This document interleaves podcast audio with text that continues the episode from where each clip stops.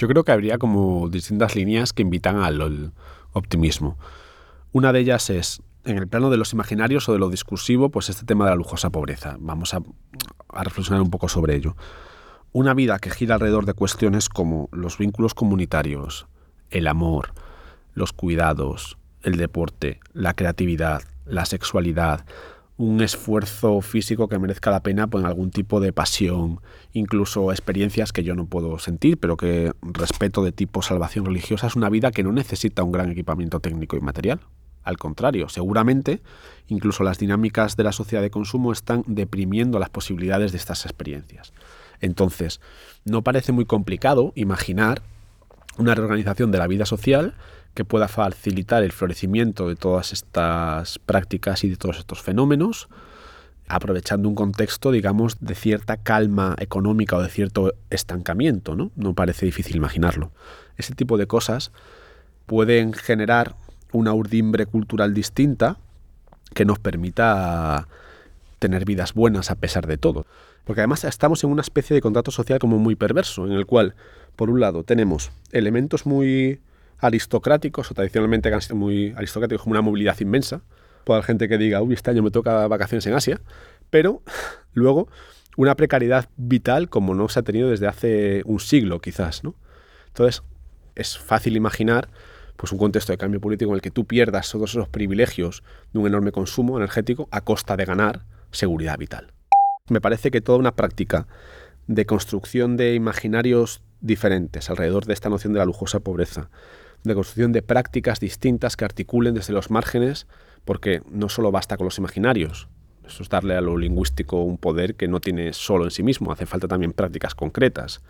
Entonces, articular modos de consumo alternativos, de cuidados comunes, de exploración de dinámicas de creatividad comunes, pues eso también nos puede ir generando una suerte de, de mini contrasociedad que en un momento dado pues, pueda adquirir una dimensión más amplia y luego seguramente nos haga falta también ir pensando en o ir disputando todos esos conflictos políticos en los cuales todo esto está en juego y que ya están aquí y que pueden ser desde el conflicto político entre pues, algo muy, muy del día de hoy, ¿no? de, la vivienda, algo tan básico como que la irrupción del mercado de alquiler para turistas no, no expulsa a la gente de sus casas.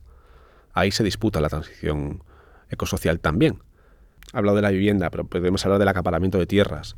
Podríamos hablar de, del acceso a, a suministros básicos. Podríamos hablar de la sanidad pública.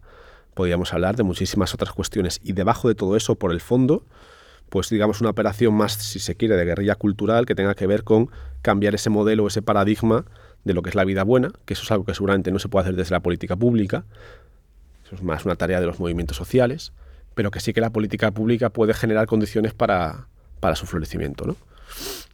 En los momentos de crisis, las estructuras pierden su estabilidad tradicional, entonces son como momentos más proclives para que acciones pequeñas puedan tener efectos grandes.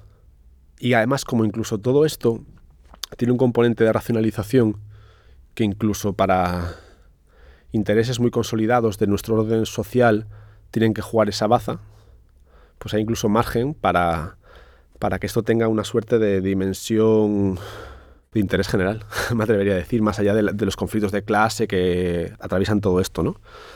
Cómo se está abriendo una suerte de, situación en la cual, de un modo paradójico, el neoliberalismo está obligado a jugar en tu terreno. Porque tiene que enfrentar esto, esto es real. Es muy difícil argumentar que esto se pueda enfrentar eh, dejando libre albedrío de las fuerzas del mercado, necesitas regulación, necesitas intervenir, necesitas hacer una política pública fuerte y de algún modo estás viendo cosas como un general de las finanzas francesas como Macron hablando de que necesitamos una especie de, mm, de reforma financiera para combatir el cambio, el cambio climático. Esto evidentemente puede ser enormemente perverso, pero digamos que de algún modo está poniendo significantes en el centro que han sido siempre tuyos y que seguramente por su propia lógica interna exijan eh, incrementar, pues eso, incrementar la regulación económica, incrementar la inversión pública, se genera como un momento de intervención de lo social sobre lo económico, una especie de momento Polanyi. Esto le pasa al capitalismo cada no sé cuántas décadas, de repente todo se ha vuelto loco y alguien tiene que poner orden. Y estamos en eso. Es también como un momento interesante para disputar eso del modo más emancipador posible, que evidentemente no va a ser todo lo que quisiéramos, pero que va a ser mejor que la derrota.